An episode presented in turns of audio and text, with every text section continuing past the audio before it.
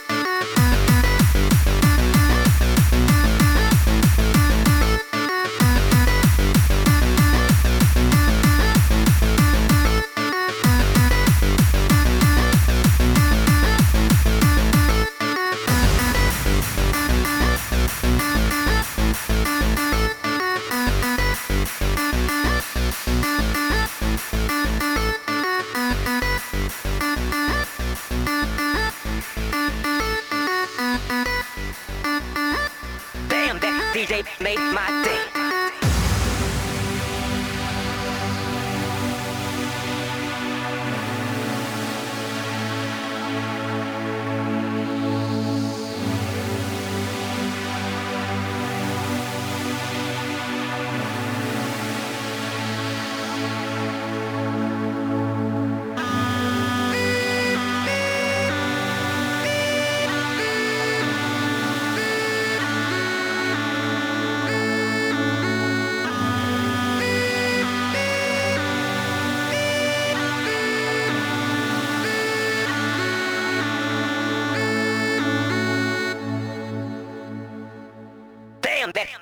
Made my